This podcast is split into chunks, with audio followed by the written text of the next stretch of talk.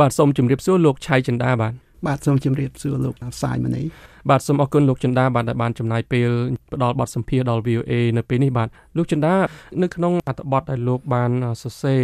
ខ្ញុំឃើញមានបង្ហោះនៅលើបណ្ដាញ Facebook រួមទាំង blog របស់លោកផងហ្នឹងលោកលើកជាយោបល់មួយ បាទគំនិតមួយក្នុងការដែលឲ្យពលរដ្ឋហ្នឹងចេញទៅបោះឆ្នោតប៉ុន្តែបោះឆ្នោតជាអនុប្រវត្តិមានន័យថាมันគ្រប់គ្រងគណៈបកនយោបាយណាមួយសោះដែលនៅលើបញ្ជីឆ្នោតប្រសិនបើអ្នកបោះឆ្នោតគាត់មិនពេញចិត្តហេតុអីបានជាការបោះឆ្នោតអនុប្រវត្តិនេះសំខាន់សម្រាប់លោកលោកបាទបាទទន្ទឹមនឹងនេះដែរខ្ញុំសូមឆ្លៀតឱកាសជម្រាបថាអត្ថបទដែលខ្ញុំសរសេរនោះ គឺមានសហនិពន្ធគឺលោកបណ្ឌិត Gafa ពីងមេតគាត់ចូលរួមនិពន្ធដែរប៉ុន្តែអកុសលគាត់រវល់មិនបានចូលរួមនៅក្នុងកិច្ចសម្ភាសនេះទេអឺឆ្នោតអនុប្រវត្តិឆ្នោតអនុប្រវត្តិវាមានឈ្មោះ3ផ្សេងទៀតគេអាចហៅថាឆ្នោតអព្យាក្រឹតឆ្នោតបាតុកម្ម និងឆ្នោតដកសេចក្តីទុកចិត្តខ្ញុំសូមពន្យល់ចំណុចទាំង4នេះឆ្នោតអនុប្រវត្តិឬអព្យាក្រឹតវាសំដៅទៅលើអ្នកដែលមិនទៅចូលរួមបោះឆ្នោត ជាទូទៅ ដូចជាព្រះមហាក្សត្រឬក៏សមាជិកគណៈកម្មការរៀបចំការបោះឆ្នោតគាត់មិនអាចចូលរួមទៅបោះឆ្នោតទេព្រោះច្បាប់ហាមពួកគាត់មិនឲ្យ ចូលរួមបោះឆ្នោតទេឯព្រះមហាក្សត្រទ្រង់នៅជាកណ្ដាលដូច្នេះព្រះមហាក្សត្រនិងគណៈកម្មការរៀបចំការបោះឆ្នោតជាអាជ្ញាកណ្ដាលដូច្នេះគាត់សម្រេចជាក្រមសិលធម៌គឺគាត់មិនទៅបោះឆ្នោតទេ សម្រាប់ពលរដ្ឋពលរដ្ឋមានកាតព្វកិច្ចក្នុងការចូលរួមសម្រាប់ជោគវាសនាប្រទេសគឺតាមរយៈសិលឹកឆ្នោតនេះឯងបើប្រទេសយើងជាប្រទេសប្រកាន់យកលទ្ធិប្រជាធិបតេយ្យដូច្នេះគាត់អាចទៅបោះឆ្នោតដើម្បីតម្រង់ទិសដៅគោលនយោបាយឆ្នោតដែល ពលរដ្ឋបោះហ្នឹងយើងអាចហៅថាជាឆ្នោតបាតុកម្មក៏បានឬក៏ជាឆ្នោតដកសេចក្តីទុកចិត្តក៏បានដែរលោកអាចបញ្យល់បន្ថែមទៀតទេជាឆ្នោតបាតកម្មឬក៏ដកសេចក្តីទុកចិត្តនឹងមានន័យថាម៉េចបាទបាទឆ្នោតបាតកម្មដោយសារនៅលើក្រដាស់សัญลักษณ์ឆ្នោតมันមានពាក្យថាមិនគ្រប់ត្រូវនៅលើនោះទេ ចំពោះពលរដ្ឋអ្នកទៅបោះឆ្នោត ទាំងឡាយណាដែលគាត់មិនមានគណៈបកនយោបាយនៅលើសញ្ញាឆ្នោតណាមួយដែលគាត់គ្រប់ត្រូវឬក៏គោលនយោបាយរបស់គណៈបកនីមួយៗដែលចូលឈ្មោះបោះឆ្នោតហ្នឹងគាត់មិនគ្រប់ត្រូវដូច្នេះគឺគាត់អត់មានគណៈបកណាមួយគ្រប់ត្រូវទេគាត់អាចបោះឆ្នោតបាតកម្មបានដោយគ្រាន់តែគូសលើសញ្ញាឆ្នោតដោយជ្រើសរើសយកគណៈបក2ឬ3ឬក៏គ្រាន់តែបត់សញ្ញាឆ្នោតទៅទេស្អាតដាក់ចូលក្នុងហឹបឆ្នោតទៅវិញ ក៏វាคล้ายទៅជាសัญลักษณ์ឆ្នោតបាតកម្មឬក៏សัญลักษณ์ឆ្នោតដកសេចក្តីទុកចិត្តដែរបាទព្រោះនៅក្នុងភាសាបោះឆ្នោតគេចាត់ទុកសัญลักษณ์ឆ្នោតទាំងនោះថាជាសัญลักษណ៍ឆ្នោតមិនបានការក៏ប៉ុន្តែបើយើងគិតឲ្យដិតដល់ទៅ វាជាកំហុសបច្ចេកទេសមួយធ្ងន់សម្រាប់ផ្នែកអ្នករៀបចំការបោះឆ្នោតហ្នឹងព្រោះមិនត្រូវចាត់ទុកសัญลักษณ์ឆ្នោតនោះថាជាសัญลักษณ์ឆ្នោតមិនបានការទេ វាមិនបានការលុះត្រាណាតែអ្នកបោះឆ្នោត គូសច្រឡំឬក៏គាត់គូសខុសអាហ្នឹងវាជាកំហុសអចេតនាយើងចាត់ទុកសន្លឹកឆ្នោតនោះថាសន្លឹកឆ្នោតមិនបានការប៉ុន្តែបើយើងទៅបោះឆ្នោតដោយចេតនាយើងធ្វើកំហុសនោះដោយចេតនាសន្លឹកឆ្នោតនោះនឹងคล้ายទៅជាសន្លឹកឆ្នោតបាតុកម្មបាទលោកអាចបញ្ជាក់បានគេធ្វើយ៉ាងម៉េចបានដើម្បីដឹងថាសន្លឹកឆ្នោតដែលពលរដ្ឋណាម្នាក់បានបោះនោះជាសន្លឹកឆ្នោតដែលមានកំហុសដោយអចេតនា ឬក៏ជាសัญลักษณ์ឆ្នោតដែលបង្ហាញឆន្ទៈថាពួកគាត់មិនគ្រប់គ្រងគណៈបកណាមួយនៅលើសัญลักษณ์ឆ្នោតនោះបាទសัญลักษณ์ឆ្នោតដែលបង្ហាញចន្ទៈវាងាយស្រួលទេ យើងដឹងហើយថាគ្រប់ការបោះឆ្នោតទាំងអស់នៅលើโลกនេះគេតម្រូវឲ្យគូសតែមួយទេ ដើម្បីយកជាការគណៈបកឬក៏បុគ្គលណាម្នាក់ប៉ុន្តែបើយើងគូសលើសពី1យើងគូស2 3ឬក៏20 ឬក៏បត់សัญลักษณ์ឆ្នោតនោះទៅទេស្អាតយើងបត់ឲ្យស្អាតដាក់ទៅវិញទៅវានឹងបញ្ជាក់អំពីឆន្ទៈរបស់ពលរដ្ឋថានេះជាសัญลักษณ์ឆ្នោតដែលគាត់ធ្វើដោយចេតនាតែម្ដងហើយខ្ញុំសូមឆ្លើយអំពីមធ្យោបាយ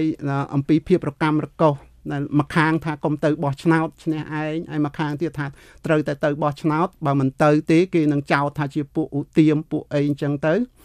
យើងគួរទៅ ហើយការទៅបោះឆ្នោតនេះក៏វាផ្ដល់សារៈប្រយោជន៍មិនមែនត្រឹមតែខ្លួនយើងម្នាក់ទេគឺជាតិទាំងមូលទី1យើងបំពេញកាតព្វកិច្ចយើងបានទៅជាលក់ម្រាមដៃយើងបានបោះឆ្នោតទោះបីបោះរបៀបណាក៏ដោយប្រសិនបើគ្មានគណៈបកណាដែលយើងគ្រប់គ្រងនៅលើសិលឹកឆ្នោតទេ យើងអាចបោះឆ្នោតគេហៅថាបាតុកម្មក៏បានឬក៏បោះឆ្នោតដកសេចក្តីទុកចិត្តក៏បានដែរដោយគ្រាន់តែគូសដូចខ្ញុំជម្រាបពីមុនមកអញ្ចឹង ជ្រើសរើសគណៈបក2ឬ3ឬ20ឬក៏បត់សัญลักษณ์ឆ្នោតទៅទេនឹងដាក់ទៅក្នុងហឹបវិញក៏បានដែរហើយក្រដាសសัญลักษณ์ឆ្នោតនោះ ដែលមិនបានការទាំងនោះ គឺគេនឹងរាប់ហើយទុនន័យនៃសัญลักษณ์ឆ្នោតទាំងនោះគឺគេបញ្ជូនទៅលើដូចគ្នាបញ្ជូនទៅឲ្យគណៈកម្មការជាតិរៀបចំបោះឆ្នោតវានឹងคล้ายទៅជាកម្លាំងមួយដែលខ្ញុំប្រើពាក្យថាកម្លាំងទី3វាជាការប្រមូលផ្ដុំរបស់ពលរដ្ឋរួមសាមគ្គីគ្នាដើម្បី ដាក់សម្ពាធឲ្យរដ្ឋាភិបាលឬក៏អ្នកដែលពាក់ព័ន្ធនឹងការបោះឆ្នោតនឹងដើរទៅរកគោលដៅណាមួយដែលយើងចង់បានបាទបើយើងនៅស្ងៀមគឺมันអាចមានលទ្ធផលទេបាទក្នុងនាមជាអ្នកដែលតាមដានស្ថានភាពនយោបាយនៅក្នុងប្រទេសកម្ពុជាម្នាក់ដែរខ្ញុំជឿថាលោកក៏បានជ្រាបដែរអំពីការវិភាគមួយចំនួន ដែលត្រង់ថាការគ្រាន់តែចេញទៅបោះឆ្នោតនឹងវាបង្ហាញពី ភាពចំណេញទៅលើគណៈបកកាន់អំណាចរួចទៅហើយពលគឺគណៈបកប្រជាជនកម្ពុជាអញ្ចឹងការដែលលោកចង់ឲ្យពលរដ្ឋទៅបោះឆ្នោតដែរគ្រាន់តែថាมันបោះឆ្នោតជ្រើសរើសគណៈបកណាមួយនឹងជាការរំដោះខ្លួនប៉ុន្តែតើវាអាចជាការចំណេញទៅលើគណៈបកកាន់អំណាចទេបាទអរគុណចំពោះសំណួរនេះចំណេញនឹងគឺចំណេញនៅក្នុងហាវិភ័យដែរប្រសិនបើសัญลักษณ์ឆ្នោតដែលពលរដ្ឋទៅបោះនោះវាមានចំនួនច្រើន ដែលជាសัญลักษณ์ឆ្នោតមិនបានការ វានឹងឆ្លោះបញ្ចាំងអំពីឆន្ទៈរាសដែលបោះឆ្នោតមិនបានការនោះព្រោះជាសัญลักษณ์ឆ្នោតបាតកម្មហើយជាបាតកម្មអហិង្សា ជាបាតកម្មស្ងៀមស្ងាត់គឺគាត់បញ្ចេញសម្លេងរបស់គាត់ប្រាប់ទៅអ្នកនយោបាយនិងអ្នកដឹកនាំថាចំនួនប៉ុណ្ណេះភាគរយมันសบายចិត្តมันគ្រប់គ្រងมันពេញចិត្តនឹងគោលនយោបាយរបៀបនេះទេបាទវាតិចក្តីទួចក្តីវានៅតែមានអធិពល ជះអធិពលទៅលើគោលនយោបាយហើយខ្ញុំជឿថាវាអាចជួយផ្លាស់ប្ដូរគោលនយោបាយទៅរកទិសដៅណាមួយដែលអ្នកបោះឆ្នោតដកសេចក្តីទុកចិត្តឬបោះឆ្នោតបាតកម្មទាំងនោះចង់បានបាទបាទពលលោកចិន្តានៅក្នុងច្បាប់បោះឆ្នោតក្នុងប្រទេសកម្ពុជានឹងมันបានកំណត់ថា មានសัญลักษณ์ឆ្នោតបានការឬមិនបានការប្រមាណដែលអាចធ្វើឲ្យប៉ះពាល់លទ្ធផលរបស់ឆ្នោតទេពលគឺឲ្យតែគេអាចរាប់សัญลักษณ์ឆ្នោតបានការបានប៉ុណ្ណាគេយកលទ្ធផលនោះទៅចែកតាមរូបមន្តរបស់ឆ្នោតនៅក្នុងប្រទេសកម្ពុជាអញ្ចឹងសន្មតថាក្នុងចំណោមពលរដ្ឋជាង8លាន3សែននាក់ដែលបានចុះឈ្មោះនៅក្នុងបញ្ជីបោះឆ្នោតផ្លូវការរបស់កោជបហ្នឹងមានពលរដ្ឋថា2លានសัญลักษณ์ចុះថាมันបានការតើ2លានសัญลักษณ์ដែលมันបានការហ្នឹងវា ជះឥទ្ធិពលឬមានឥទ្ធិពលអីទៅដល់លទ្ធផលរបស់ឆ្នោតបើសិនជាសន្លឹកឆ្នោតបានការផ្សេងទៀតគេនៅតែរាប់បានហើយគេនៅតែអាចបែងចែកអាសនៈបាទទៅតាមលទ្ធផលឆ្នោតបានដដែលហ្នឹងបាទបាទសន្លឹកឆ្នោតដែលមិនបានការទាំងនោះវាអាចជាកញ្ចក់ឆ្លុះបញ្ចាំងអំពីឆន្ទៈរាសបើសិនជាវាតិចក្រោម50%វាមិនអាចធ្វើអ្វីដល់ការរៀបចំរដ្ឋាភិបាលទេប៉ុន្តែបើមានចំនួនច្រើនលើសពី50% វាជាបញ្ហាដល់ការរៀបចំរដ្ឋាភិបាល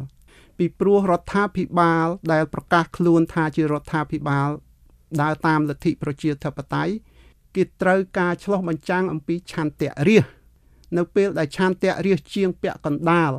มันបានរាប់បញ្ចូលនៅក្នុងនោះប្រទេសនានានៅលើសកលលោកដែលប្រកាន់លទ្ធិប្រជាធិបតេយ្យគេនឹងធ្វើការពិចារណាឡើងវិញ អំពីការទំនាក់ទំនងជាមួយនឹងរដ្ឋាភិបាលដែលមិនចេញ អំពីឆន្ទៈរាសបាទប៉ុន្តែឥឡូវហ្នឹងដោយដែលលោកជ្រាបហើយថាសហគមន៍អន្តរជាតិមួយចំនួនហ្នឹងគឺមិនទាំងបានទទួលស្គាល់នឹងផងដោយសារតែការប្រកួតប្រជែងហ្នឹងវាអត់មានការចូលរួមពីគណៈបកប្រឆាំងទៅហើយអញ្ចឹងភាពត្រឹមត្រូវនៃការបោះឆ្នោតហ្នឹងคล้ายទៅជាសំណួរមួយទៅហើយណាវាខុសគ្នាយ៉ាងម៉េចរវាងពេលនេះហើយនឹងក្រោយពេលបោះឆ្នោតដែលមាន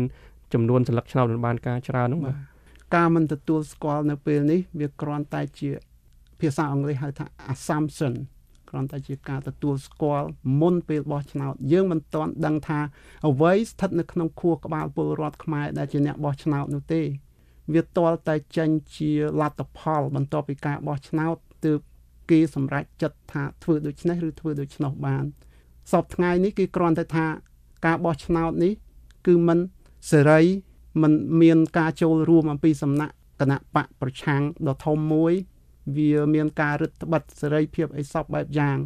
ប៉ុន្តែសេរីភាពបោះឆ្នោតរបស់ពលរដ្ឋគឺនៅតែមានដដែលគាត់អាចទៅឬមិនទៅសិទ្ធិរបស់គាត់ហើយគាត់អាចបញ្ចេញឆន្ទៈរបស់គាត់នៅលើសម្លឹកឆ្នោតនោះខ្ញុំបានរៀបរាប់រួចមកហើយថាយើងបើគ្មានជំរឹះជាមួយនឹងគណៈបកនៅលើសម្លឹកឆ្នោតទេយើងមានមធ្យោបាយមួយគឺយើងបោះឆ្នោតដកសេចក្តីទុកចិត្តនៃការបោះឆ្នោតនេះឯង